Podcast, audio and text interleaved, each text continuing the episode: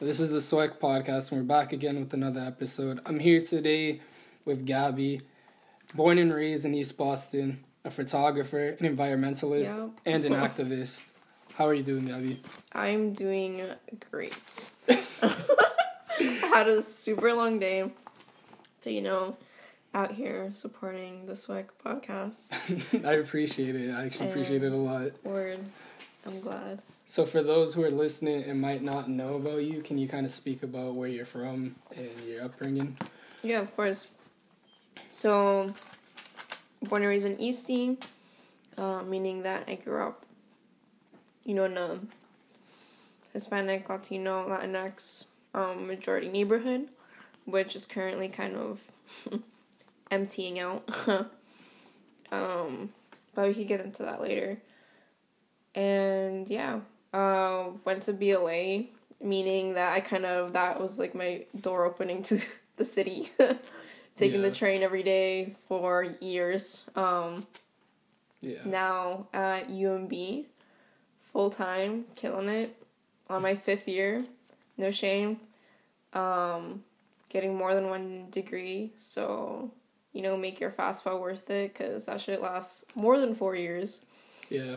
BT dubs, for everyone who doesn't know.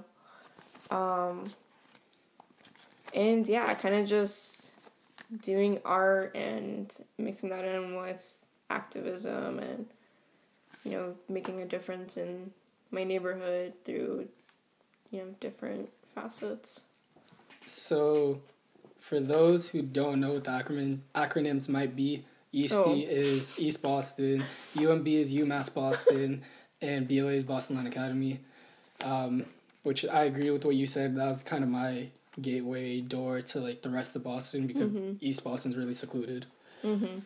Um, so we can talk about. I guess let's start here. Let's start with your photography. Can you talk about kind of how you got into photography? Yeah, so I got into photography once I got my first cell phone. Um, it was I forget what it was called, but it was one of those that you kind of like slide up and down. Yeah, I know you're talking about.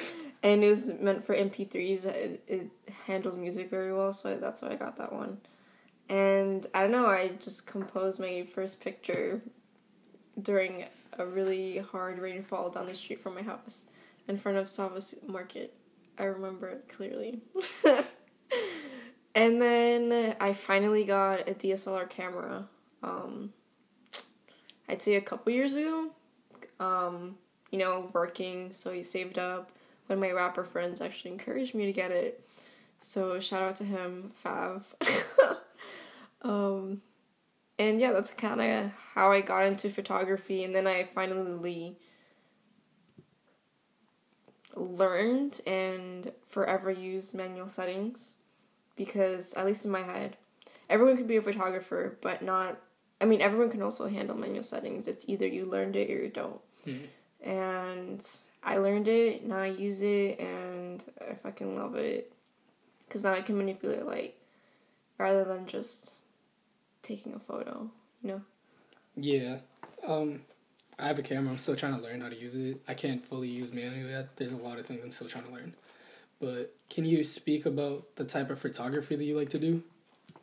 Yeah. So I kind of started off taking pictures of everything, and you know anything that interested me. But now, after you know going over what I've taken pictures of, I noticed that I kind of had a little trend and shot a lot of people. I tell myself, oh, I don't like people, but I fucking love people. And a lot of these photos, I mean, obviously in Boston, and you know, I also love capturing the backgrounds too, like people and their places and their environments. So I really like people and places, people and places. And that's led to more so like a documental type of vibe to the photography I'm really into. More so like documental street photography. I can't officially I can't officially call it doc- documental photography because I haven't written enough pieces to accompany my photos, which is what real documental photography is. Um, so I guess yeah, I'm working towards documental photography, and I do a lot of street street photos.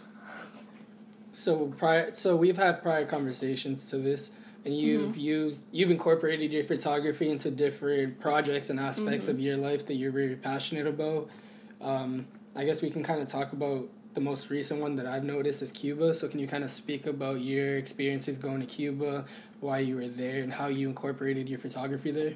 Yeah. So I first went to Cuba last year, believe it or not. Um, and at that time, I decided to take a a long break from my life and work because I'm a workaholic and go hop around um, America for like a, a month. So I started off in Cuba, went to El Salvador, Puerto Rico, and somehow ended up back in Cuba, like consecutively. Um, and it's funny because when I first went there, I I kind of went with without really knowing anything. And by that I mean I came with nothing. Um, I mean I had a carry on with donations of clothes, but I wasn't really hip to what Cuba was. So I just brought clothes because you know my fucking consumerist ass, younger Gabby, spend all her money on fucking material things. um, so I had a lot of shit to give away, and I put all the donations in my carry on, went to Cuba. My bag didn't get there, so I just had a, a carry on with clothes that I couldn't wear. Um, and yeah, I was, and then I met, like, throughout those adventures, I was alone, by the way. That, that was my first big trip alone. Um, I've traveled alone before, but this was, like, not in North America or Europe, you know what I mean? Like, this is, this is Latin America. Yeah. Um, and yeah, Cuba. I met some dude at the bar, at the Wi-Fi park. He noticed I was a tourist. He was like, "Oh, let me show you around." Blah blah blah. People out there love to show you around, and it's because you know that's how they make like their quick buck, low key. But it's it's it's done in a very thoughtful way and done through work, kind of, rather than just begging for money. But that's besides the point. So he showed me around, um, and then we walked. We're walking. Uh, we walked towards like the Capitolio, which means State House, and then we go to El Paseo Prado, which is kind of like a little mall, what you call it here, like a, a cement walkway. and then I see this colorful building, and I was like, oh, this looks artsy. Let's go inside. Um, and then turns out I befriend the people in there. I meet them later that night in the spot called the Fabrica de Arte, and they hook me up to their little gallery, which does workshops for free for the community, art workshops every single Saturday morning. And the way we connected was through photography.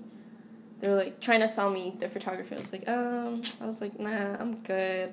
And then they mentioned that they did these free workshops on Saturdays and how that helped support it. And I was like, all right, but like, let me buy something now. Like, you've sold me. um, and I was like, yo, next time I come, if I ever do come, like, let's definitely put on a photography workshop because I've been assist teaching for couple years, a little over a couple years now, and I'm a pretty fucking damn good teacher. so I was like, yo, let me hook him up. So that happens. We're fucking homies, and I come back to Boston. Um, and then I come back around. It was in March, and I go with my best friend Bianca.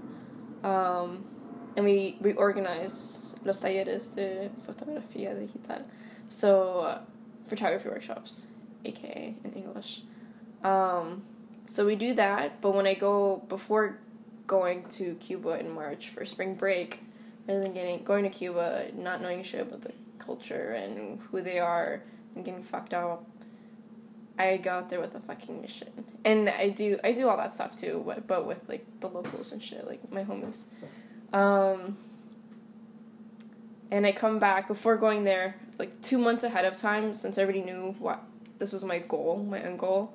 I decided to collect donations, art donations for them. And I was like, bet Bianca's going, that's another check them bag we can do. So we both fill up, we fill up like 150 pounds of just donations, people from people that I know, like yeah. people who I went to school with, um, some of them went to BLA. I went to BLA with Boston Academy with high school with some of them. Went to I went to UMB with some of them. I weren't I I wouldn't even consider them friends, but they were like, "Yo, I heard this, blah blah blah." You know, some just really good people I know. You know, and I was really shocked as to how for it people were and like how they really come to my house and like drop things off. I remember I met Maria Vasco. She was she was moving out her house, and her sisters and her left like a bunch of new shit while they were growing up, and they like left her house with like two trash bags full of shit. It was so wow. funny. Um, so shout out to her. Um, yeah, it was it was awesome, and people like bought things, new things to give away and I was like so shocked. I was like, What you bought things? I was like, That's awesome. I was like, Thank you. I remember my boy oh my boy Fav, he gave me like a box of toothbrushes. Like things because of the embargo, it's a little tough in Cuba to come by a lot of things. So getting these variety of not just art things but hygienic dental supplies was it was dope.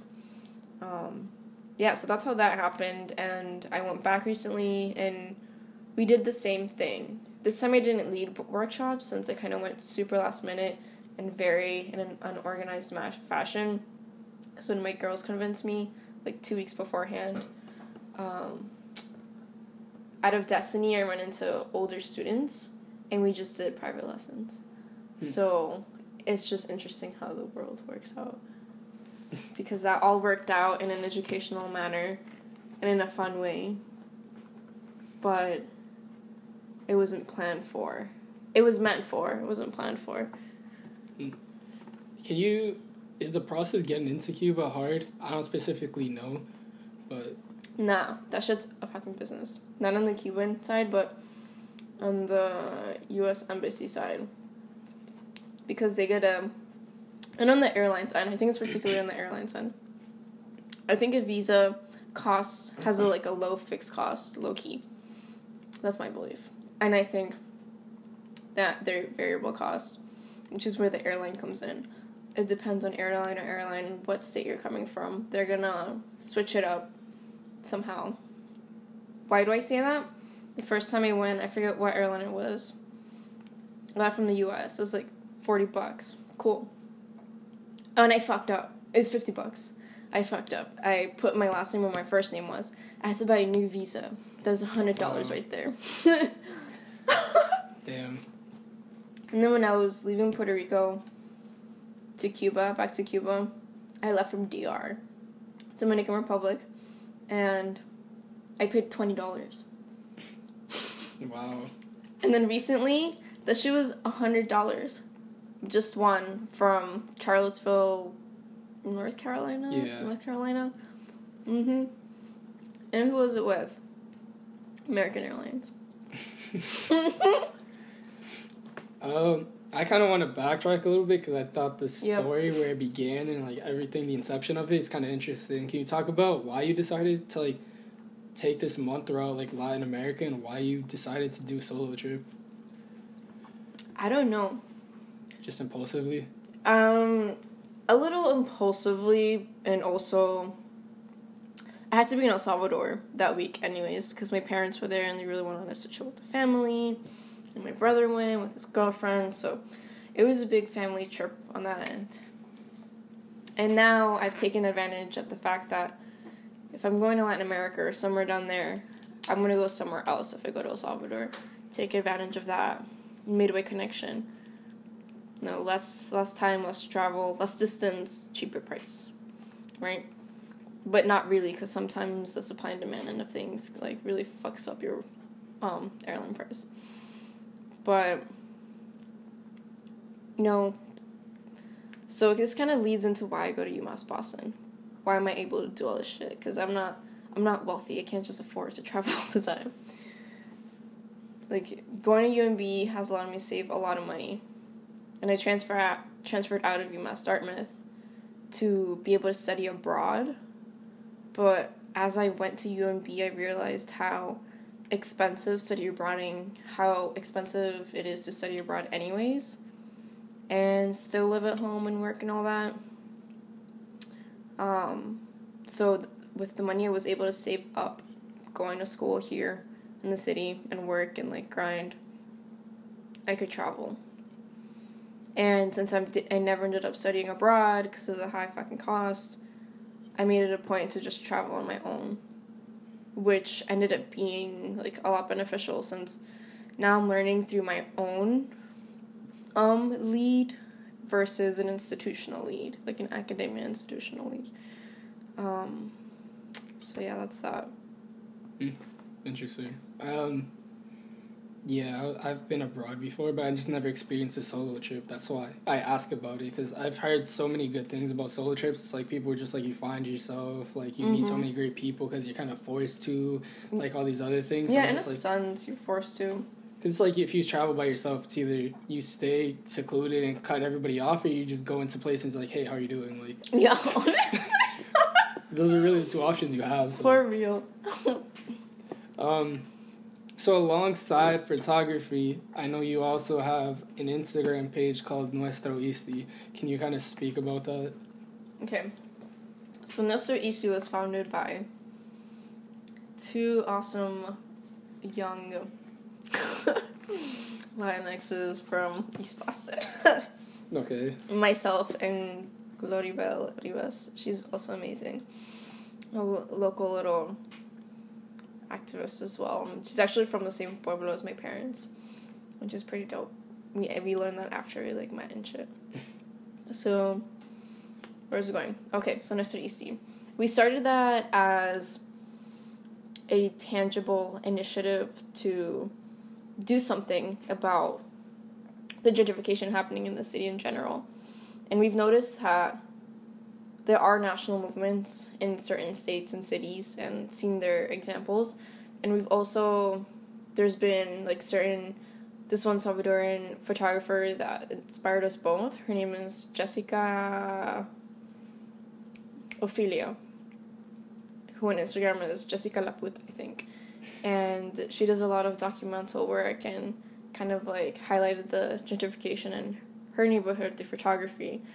So we're both like, fuck, like, how do we incorporate all this artsy shit with activism? Because we've also had like other crazy ideas.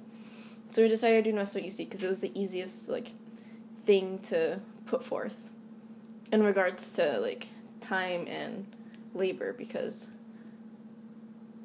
yeah, photography can be fast, it can be slow, but the the posting process of that and creating captions is a little faster than canvassing like person by person.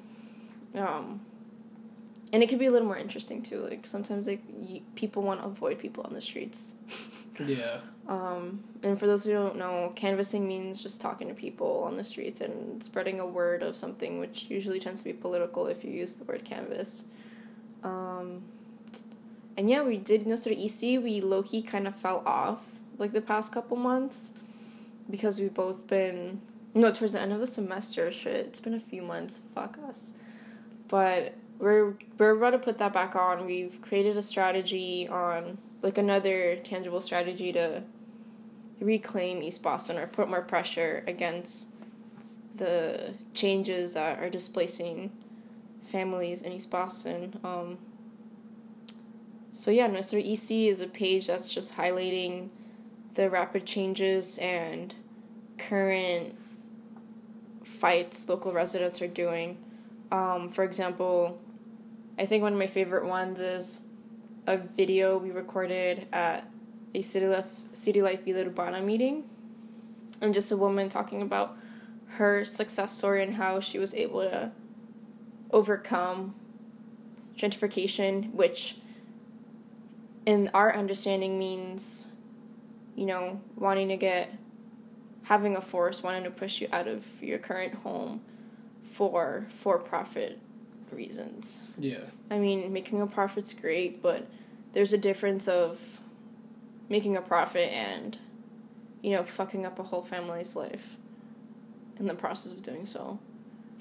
Um so yeah, that's that. Uh, so for those who kind of aren't familiar with Eastie and the changes that have kind of occurred in the past, I, I don't know, maybe two years, maybe three years, couple years, whatever it's been. Mm-hmm. Um, can you speak about kind of like tangible and physical changes that you've seen, but also kind of like cultural changes? Because yeah.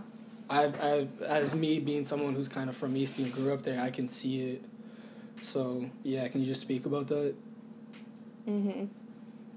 So when I think of Eastie, when a lot of people think of Eastie, they think, oh, that far ass place. True. Or it was like uh, East Bumfuck. Yeah. or I bet like let's go eat food there, or let's go to the beach or something. I don't know. But for me, East Boston has been you know home where I grew up. Where even though I didn't really spend a lot of time in East Boston, like in high school and shit, it was still the spot that you know I'd be proud as fuck to bring my friends towards and to and eat pupusas at my house. You know what I mean? And if not, if there were no pupusas at my house, we'd go down the street and buy them. If you don't eat pupusas in Eastie or someone steal your sauce, I don't care what anybody says. Yeah, please eat pupusas. Try them. Go to Pueblo Viejo. They're the best in East Boston. I guarantee that. Um, I'm Salvador. um, but yeah, East Boston has been home. Um, it's always it's always been an immigrant majority neighborhood, even though there's been waves of different like ethnicities and races. It's always been an immigrant majority neighborhood, which tends to be like the most vulnerable and disenfranchised community, one of the most disenfranchised communities in the world. um, and when it comes to our neighborhood, there's a majority of those people. Um, and some of those people don't know English. And a lot of those people, a majority of East Boston is mostly like Central American, like Salvadoran, Guatemalan, Honduran, and Colombian and Brazilian, I'd say. And now like Arabs. Um, so yeah, like a, a good majority of like vulnerable as communities. oh wait, no, Italians and Irish people, of course. How could I forget them? they've been there for decades. I know they've been there for decades, but they've been moving out. Yeah. They've been moving out as they got got as they have gotten older. They've been moving out and selling their homes. And now, um, more younger. Is your dog okay? Yeah, he's fine. Okay. And now younger communities, people who are down to like split rooms and shit, who have money, are moving into the homes of where, you know, immigrant families or low lower income, financially vulnerable families live in. Um, so that's just happening, and rents are going up, so families can't really afford to stay in their homes because they're in competition with these younger professionals um, who can keep up with those inflating prices. Um, if you want to learn more about those specifics and those negative outcomes, I recommend y'all checking out this mini documentary made from an East Boston local, Brian Martinez. Um, it's called Eastie Nursing Home. Oof, no, no, just kidding. I forgot the name of it. Uh, I'm gonna I'm gonna look up that link and send it to you. But I'll put it in the description. Word, it's it's a dope ass mini documentary, and for example, there was a point where his mom, who I think she was the only one contributing to the rent. No, her and her husband. I don't remember. It went from like a thousand something to an over two thousand dollar increasement in a month. Wow. So people really are taking advantage of these families. And the crazy thing is that you know, you have a right like through the law of the city, there's city city housing rights. Um, you can, you know, take these people to court and kind of like finesse more time to stay home so you could figure shit out. Like where will you move next and how would I get that money type of thing you could take them to a court and negotiate that. A lot of people don't know, so they get scared and like leave within a week, and don't really know what to do. And some of them end up homeless and shit, and, or like moving with their aunts and uncles or brothers and sisters, and then like I don't know. Shit, it's an unstable housing situation. Affects you mentally, physically, morally. Shit really fucks with people. And, yeah. There's a saying I've heard the four by one rule of East Boston. One new yuppie moves in, you displace a family of four. Wow. That's that's the new word on the street. Yeah, I'd gone. Well, I was like abroad for like.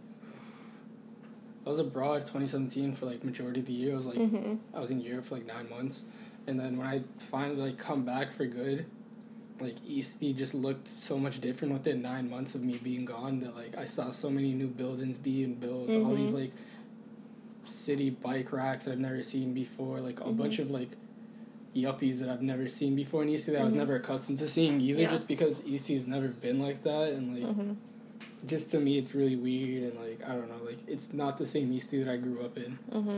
Yeah, it's definitely changing. And the crazy thing is, not only are buildings being bought and re renovated, these empty land lots that have been owned for years, like these people, these developers, they've owned these lots for over decades, some of them, and just now decided to act. I mean, it was all part of the plan. That's what I'm saying. Like, it was all part of the plan, and that plan, the city, the you think the government did not know about this plan? Like this shit was allowed, and we're allowing it to happen. I don't want to say that we're allowing it to happen, but you know there are people who've overcome it, and we've been kind of numb to a sense to where fighting doesn't seem worth it anymore.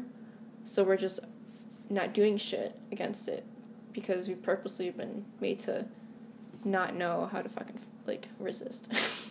Yeah, there's definitely a trend in, within the city as to what areas are being gentrified for certain reasons that yeah. those who are profiting have a reason to do it. Um, but I do agree that a lot of people just aren't aware of the options that they have when it comes to these, and they're not aware and available to the resources that could help them. Mhm. And that's unfortunate. But along another part of Eastie that you've been involved in has been kind of the Eastie farm Yeah. and the environment uh, movement that goes along with it. Can you kind of speak on that? Yeah, so Eastie Farm is this little urban rain garden, urban farm in East Boston. So it's in the middle of two townhouses. Um, and where the lot is used to be a home, meaning that, you know, empty lots you see around. If you want to do something about that land, do some research because you could potentially become I don't know the owner, or you know have some sort of awesome entity take care of it in some awesome way.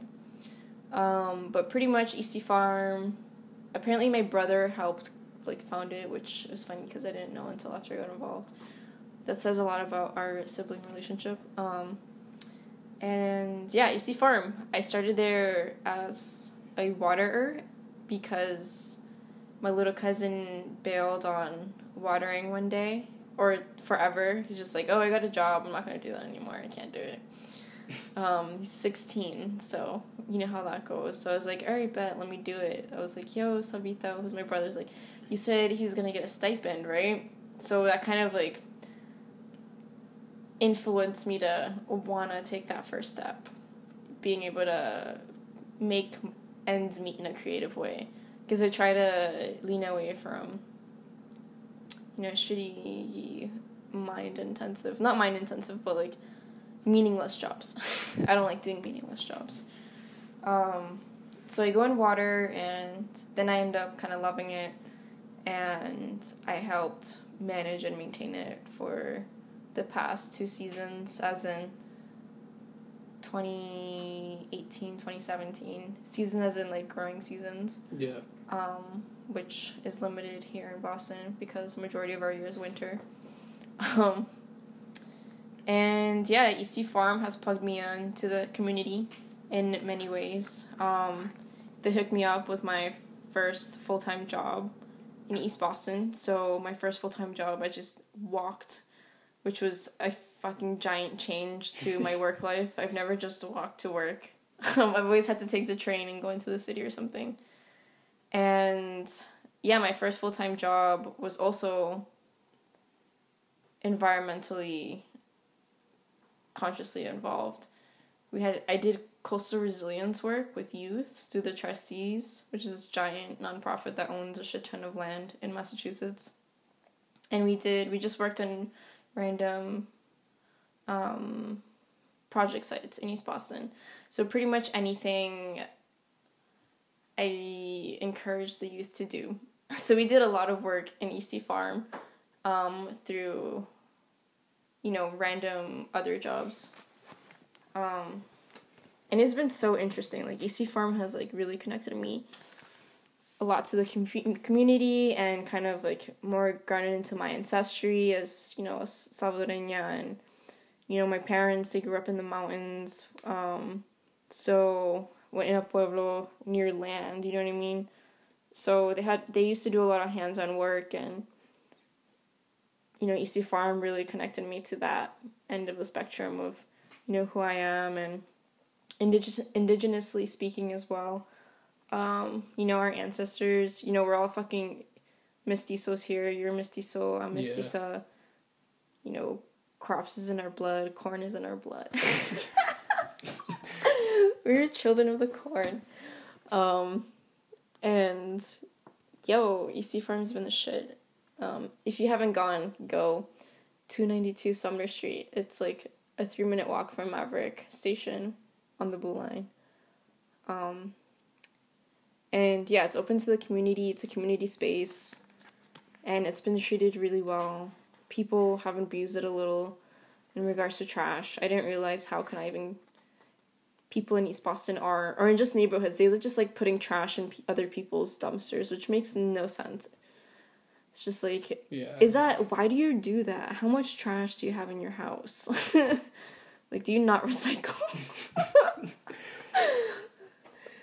so along pre with our previous conversation, along with the Eastie Farm, you kind of told me that it helped you connect to an immigration kind of movement called mm. Cosecha. So yes. can you speak about Cosecha?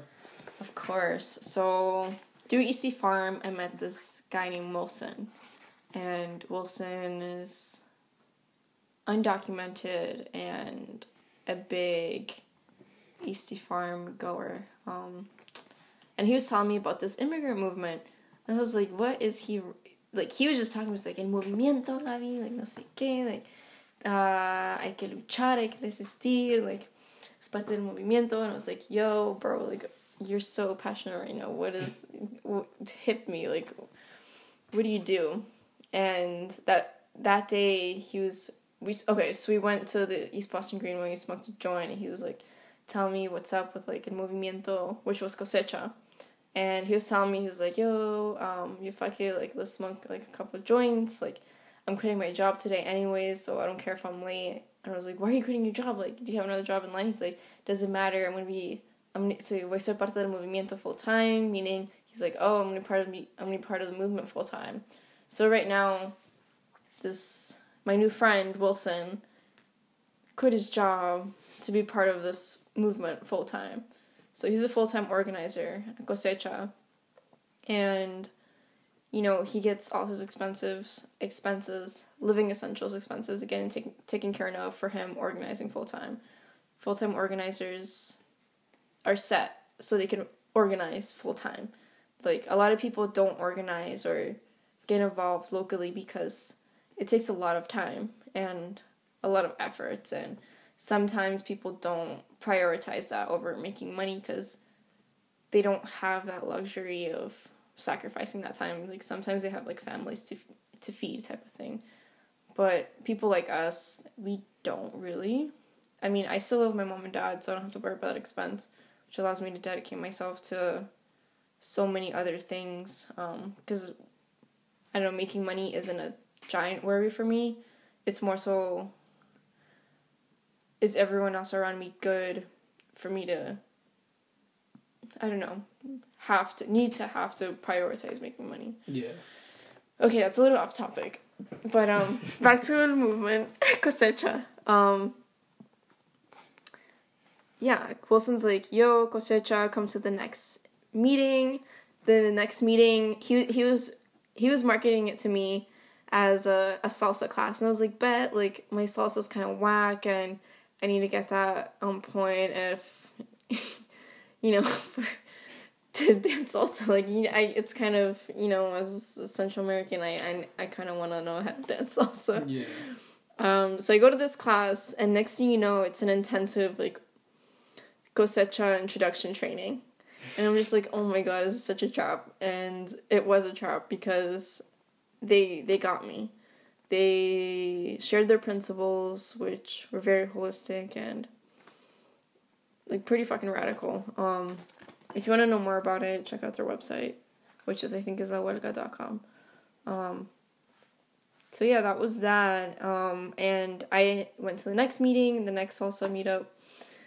Oh, the funny thing is, like, we only danced salsa for like ten minutes at the end, and the and the, and the meeting was like we were there for like a good hour and a half. You know what I mean? It's long. No, just kidding. Like an hour. It was like an hour, and ten minutes of it was salsa, and the rest was like a intensive cosecha introduction training.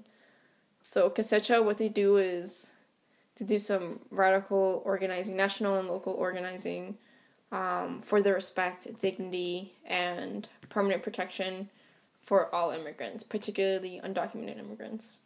Um, they were part of the Seed Project. Um, I'm not sure if y'all know, there was a point last year when DACA was under um, attack where people, a lot of youth assembled in Washington, D.C., like thousands.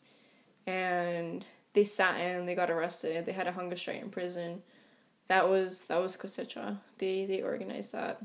And now in Boston and throughout the nation, um, they're they're doing strikes. I know now in Boston the focus is on Northeastern and their current contract. I think it's like seven billion dollar seven million dollar contract with ICE Northeastern.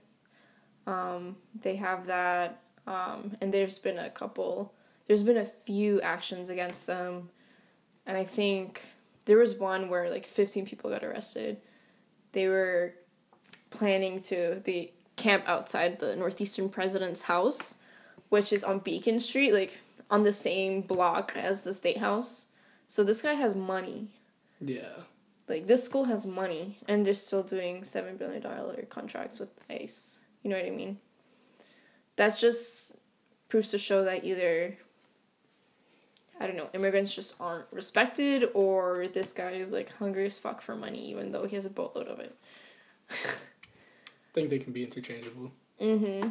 Um, if you're willing to take that much money to like affect a group of people, then it's probably interchangeable, in my opinion. Mm-hmm. Both. Um, but yeah, cosecha has been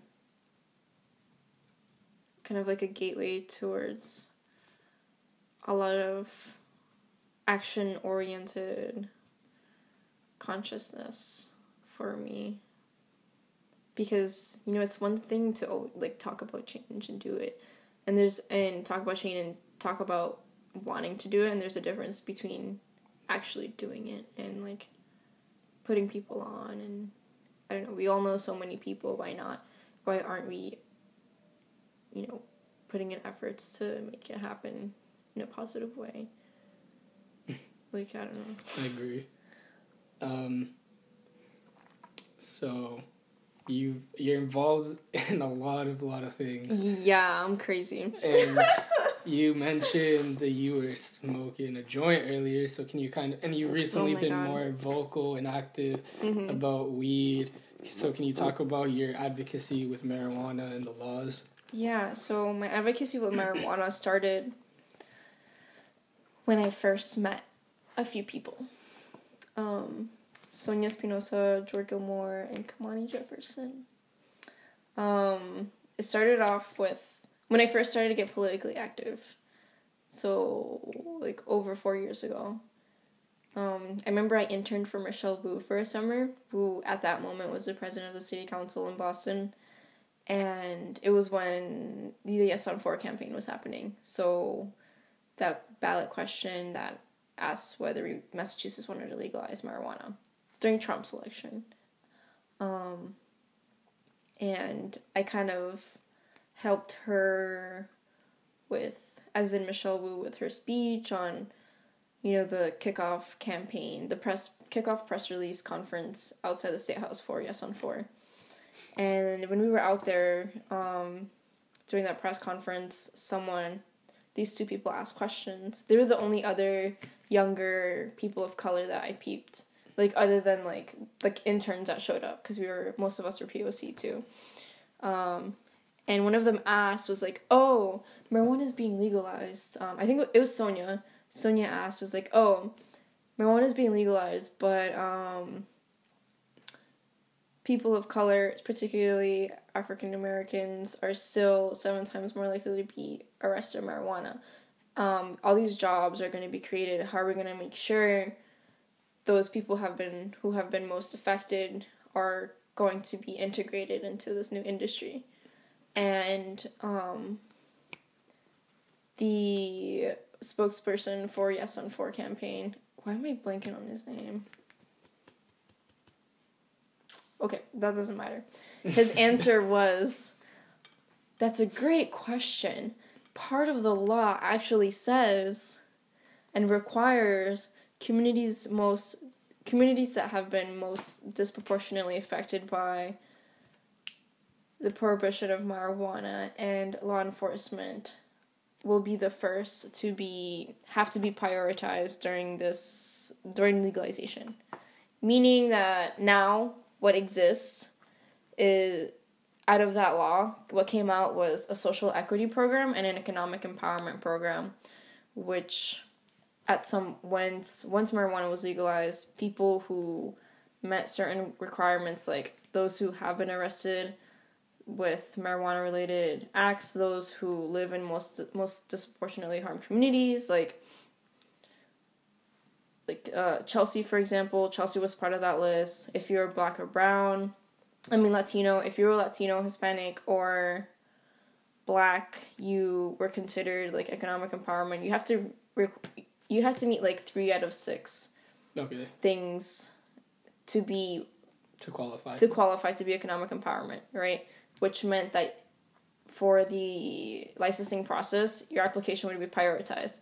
So, not only, okay, so there's a saying that says those who have been arrested can't join the industry. Anyone can join the industry. It's just that if you have, if you meet three of six certain criterias, you got an extra benefit or of some sort to join the legal industry, legal marijuana industry, cannabis industry. My bad, because that's what it's called now. That now that it's legalized by law, it's called cannabis, not marijuana, which has its own like politics behind it. Cal- cannabis is English, marijuana is in Spanish. Mm. Um, so it has its own like racist. I, I, didn't even know that. Yeah, like marijuana was de- demonized as marijuana. Cannabis is medicine, quote unquote. So just to like clarify, so these acts that are supposed to or like laws that are supposed to help mm-hmm. empower those that are being disproportionately like um affected by the previous prohibition. Mm-hmm. So is this just for them to obtain uh, licenses to sell, or is it prioritizing them for when they apply to jobs at like let's say recreational dispensaries? Not jobs. So just the actual licensing, which costs thousands. Yeah, which that's and what even millions. That's what I was gonna mention. That's the that's the biggest issue is that the financial burden that comes along with trying to get a mm. license, and that's just the license. That's not obtaining property, the plans, everything that goes behind it as well. So, I I can see the issue behind that. Yeah, there's a big controversy behind that. An economic empowerment um, status I applied for, and it was actually number one on the list, which is fucking hilarious because I can't do anything with it because I don't have thousands of hundreds of dollars yeah. of capital under my name. So it's just sitting there. But I did it. Um, and the fucked up part about it all is that there were only two dates, two deadlines for you to apply for this economic empowerment status, um, which is no longer open. So for all those people who who now found out about it and qualify, can't even apply because wow. they can't. The deadline's yeah. over. And the state still hasn't issued an, um, a license to anybody within the state to even open recreational dispensary yet. No, but they've they're called Sage. They're the only they're the current dispensary that's kind of monopolizing the cannabis industry in Massachusetts. Um, they're overall a good company, but like monopoly is a monopoly. You know, for Sage medicinal or recreational as well? Sage is medicinal right now, but they're applying for the recreational. And the other thing is, okay, so economic empowerment status. There's equity, economic empowerment status and equity status. Um, I'm fucking up on the name. I forgot, but there's two of them. One gives you technical assistance, like counseling on finances and all that shit, and they give you they pay for certain low cost expenses like the CEO's background checks, for example, their CORI checks, which cost money. Yeah. Um, that's covered by the state, like stupid little shit like that. Um, and for economic empowerment, during the licensing uh, process, the Cannabis Control Commission, which is the state agency in, in charge of the marijuana cannabis laws, um, they have to approve you through a sequence of, through a queue. Kind of like when you choose a song on Spotify, you have a queue. Yeah. Yeah, that's how marijuana applications are ordered. Um, Okay.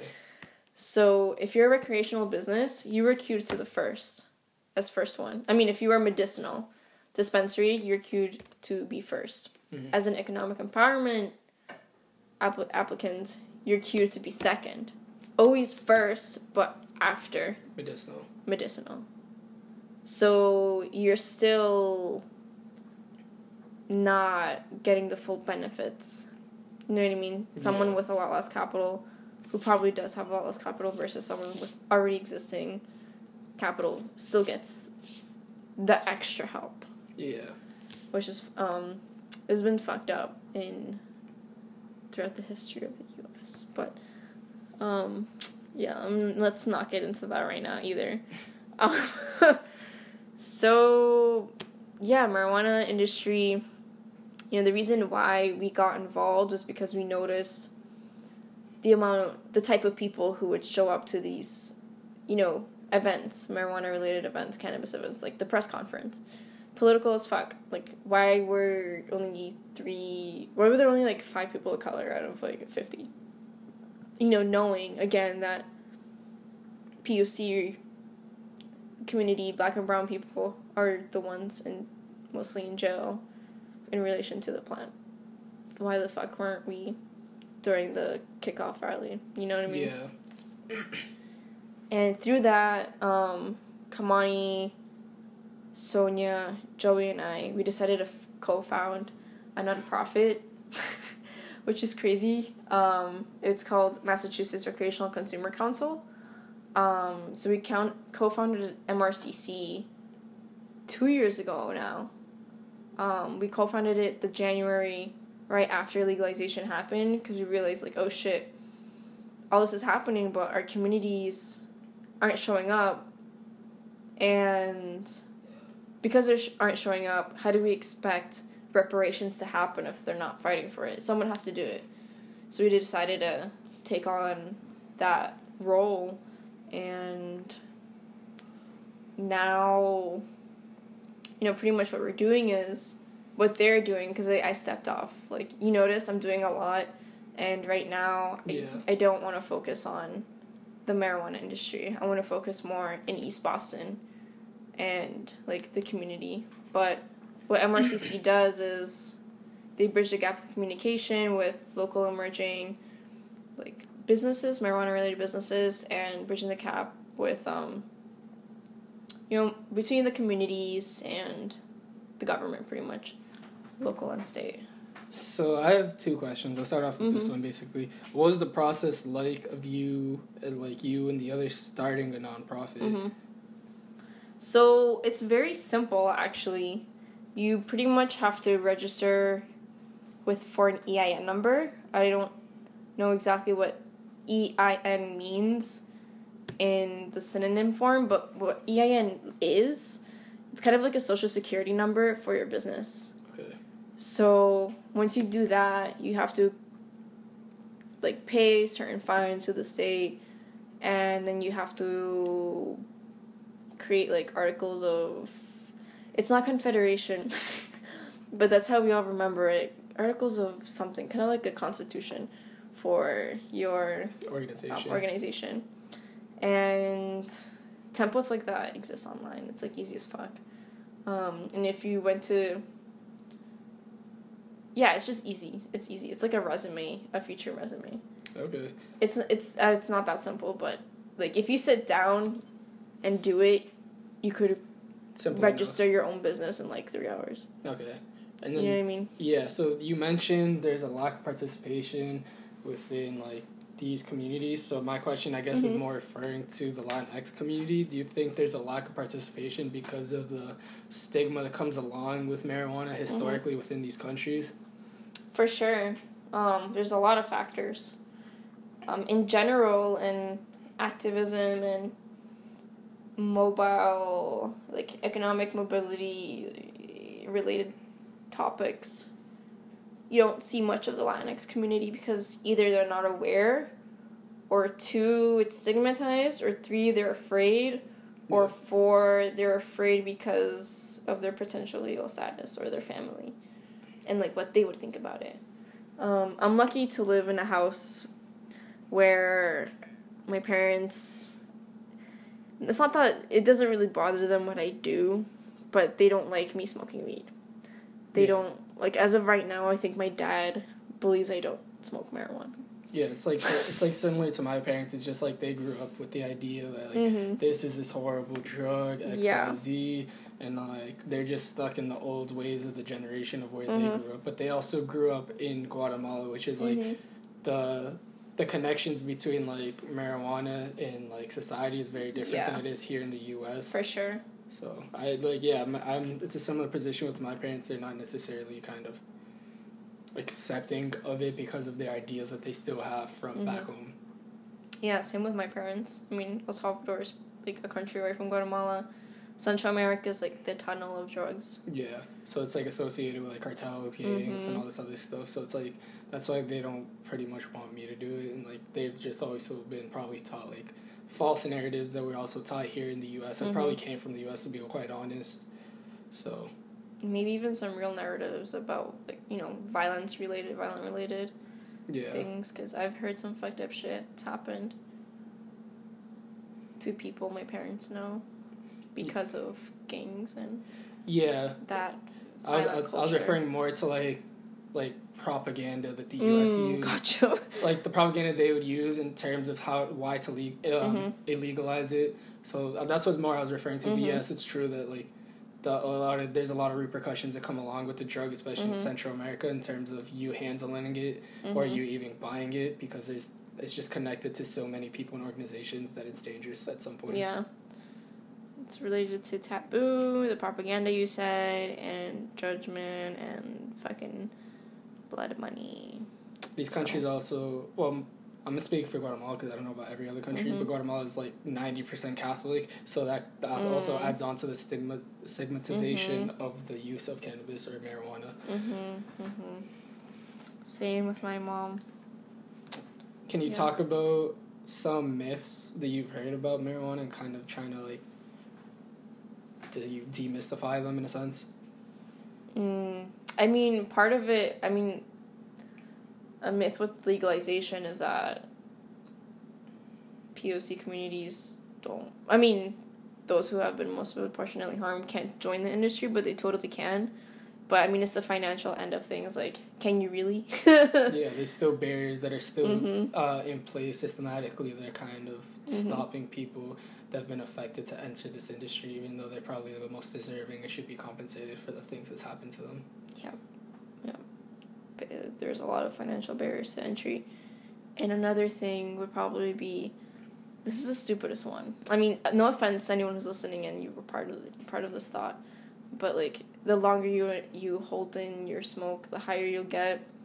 That's not true. I used to believe that. I'm not even gonna lie. I, I can't even lie. I was told it, and I was like, "I word," and I was like, "That was it." But yeah, no, no, it's not true. I've had scientists tell me it's not true. Um, what else? Oh, the mango. I'm not sure if everyone heard, has heard Yeah, I've this. heard that. Yo, I've heard that so many It's times. so true. It is. Yeah. So Oh. there's the word is that if you eat mangoes and then smoke, that your high will last longer. The chemicals, the the compound structure of mangoes allows for um, the like psychoactive end of The THC. yeah THC to linger longer. I don't know the science behind it, but it's legit. It's real. See, I've always heard it, and I was like, I'm, I was skeptical, skeptical about it, so I just never tried it. But like, I might have to try it now. And now, and I also have to say, if you ever seen people like put juice in bongs and hit it, don't do that. The sugar will fuck you up. Sounds gross. It's disgusting. I've heard, I've heard nasty stories. I've heard people put like alcohol in there. That's scary. I'm just like, that's gross. That's scary. Um. So you know how people put ice in bongs? Yeah. My girl and I, we decided to put popsicle, like our favorite flavor popsicles in it, like the twenty five cent ones. Mhm. Um, and yeah, the sugar fucked us up. I don't know why we didn't think it through because it makes sense why you shouldn't smoke sugar. Yeah. And we just had that in the bong like ice, and yeah, it's not. Don't do it. yeah. Um. Yeah. There's just uh, a lot of history that goes behind weed, especially in the industry, and how it's been how it's been grown and how it's intensified. The THC has been intensified, and the CBD has been lowered throughout Mm-hmm. um, history, just for commercial commercialization reasons. Mm-hmm. But yeah, Oh, you- you- another another myth: dispensary weed will always be clean. No, so California actually right now the regulation is really fucked up. Mm-hmm. So that there's um they're they're now cleaning up the regulate well they're more regularizing, if that's even a word in California. Basically like that's why a lot of dispensaries are selling like eighths and quarters for like super super cheap because that Mm. was the weed that people were just bringing in and weren't being regulated. Mm-hmm. So now they have to get rid of it because I think after a certain point, like every everything has to be regulated, and that goes along with dab pens. If people are listening, because dab Mm. pens in California were not regulated for so long that there was a lot of additives that went in Mm-hmm. to these pens that people weren't aware of and that are Mhm. really bad to be kind of smoked. So, yeah, Yeah, it's it's crazy.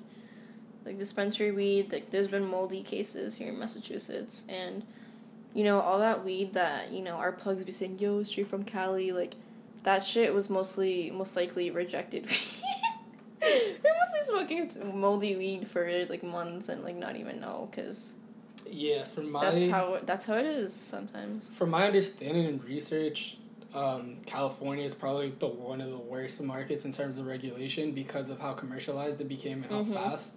And then I think Denver or Mhm. Colorado is probably the best market in terms of regulation. That's my understanding.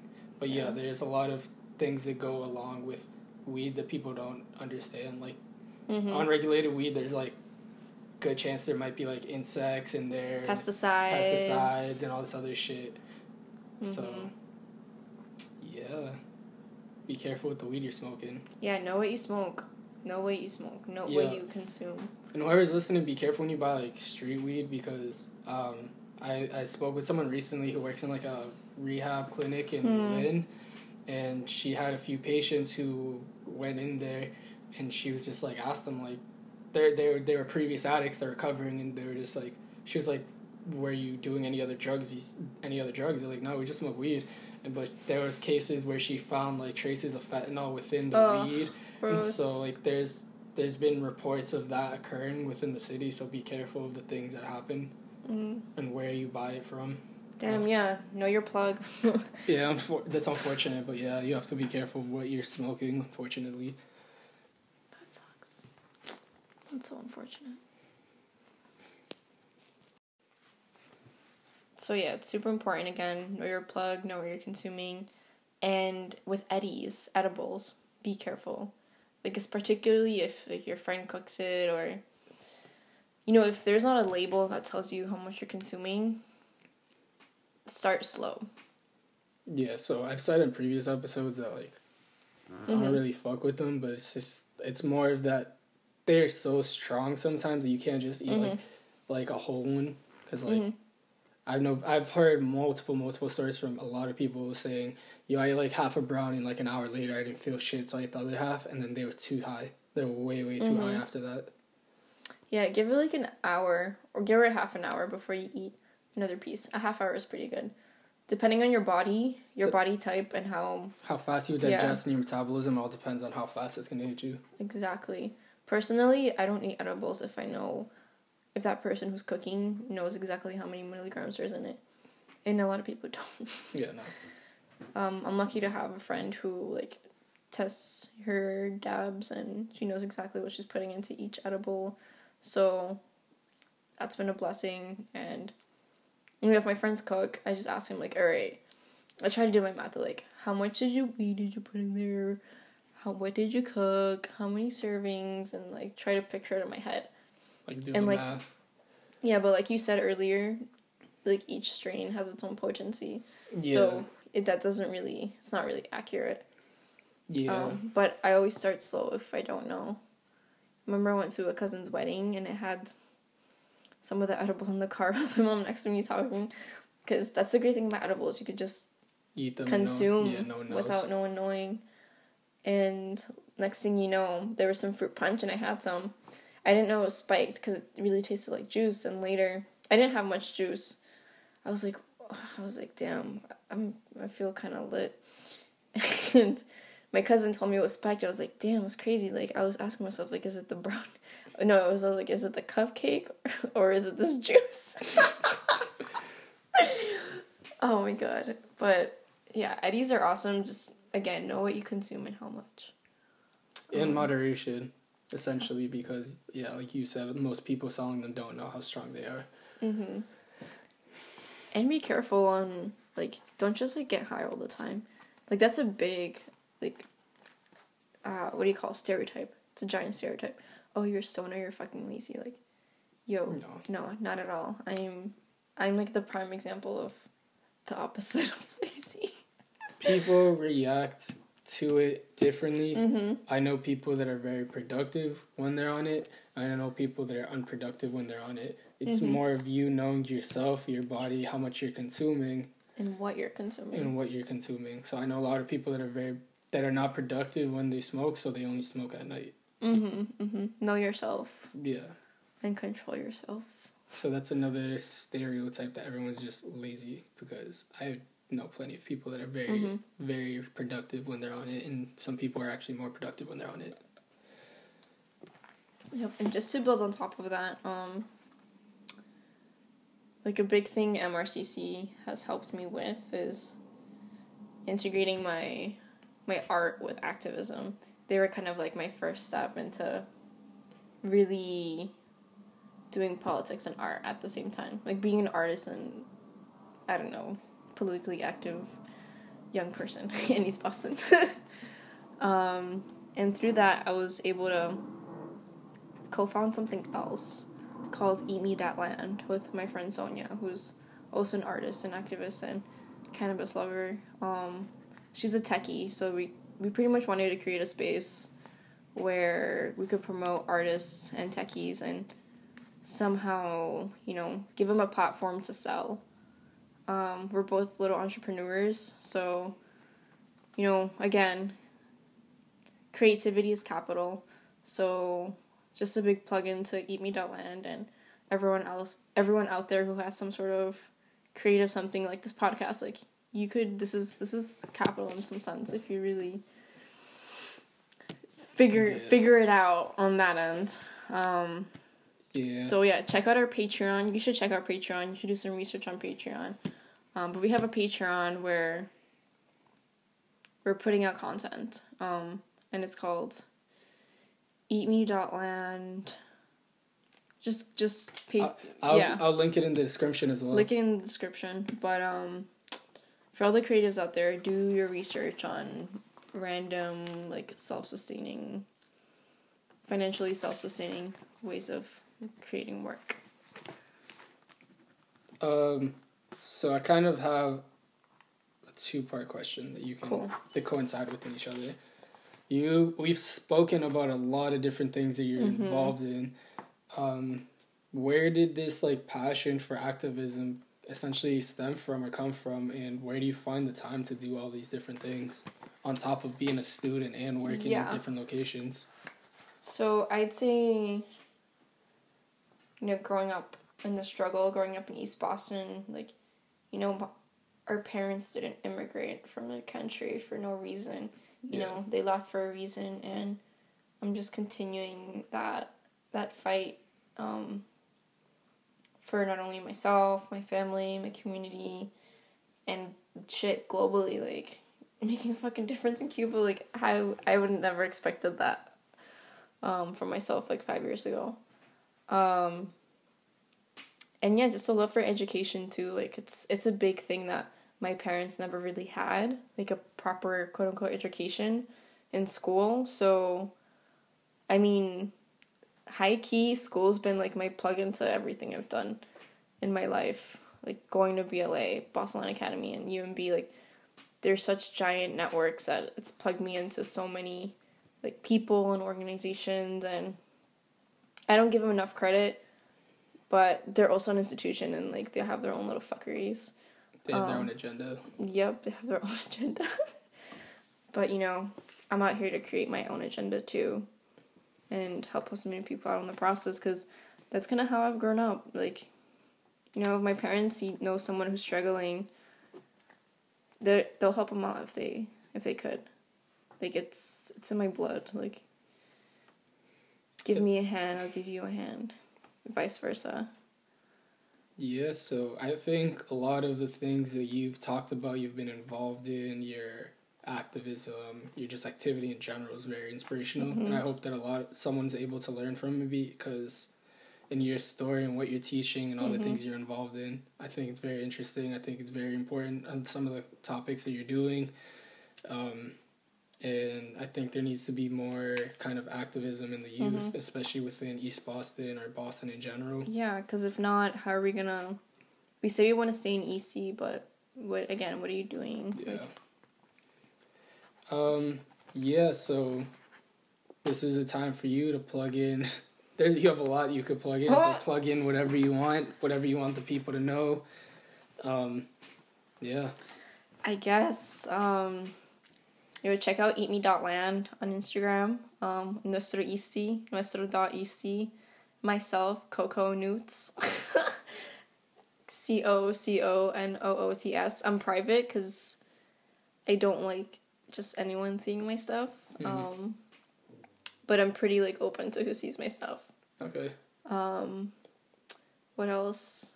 Oh, shout out to all the, you know, animal lovers. Those everyone who's like vegetarian, vegan. Y'all are tough as fuck. I recently became vegetarian like a few months ago, and it's not easy. So shout out to everyone who's been doing that for years already. it's just a struggle. Um, what else? Um, shout out to Eastie, Eastie Farm. Follow them on Instagram, Eastie Farm. Um, shout out to Kanan. He's been my little environmental uh, brown mentor in, in East Boston. Um, shout out to all the POC, fucking putting in work, making money, like creating startups, doing shit for the community. Um, and yeah, shit. If anyone's ever interested in collaborating, let me know.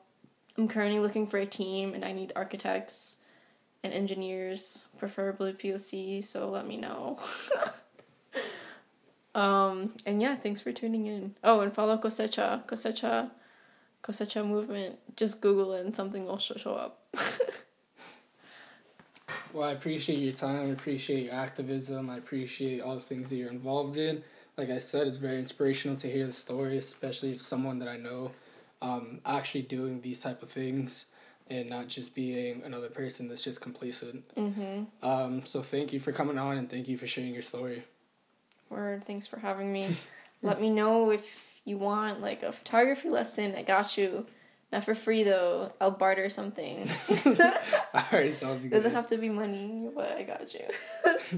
this has been the Swag Podcast.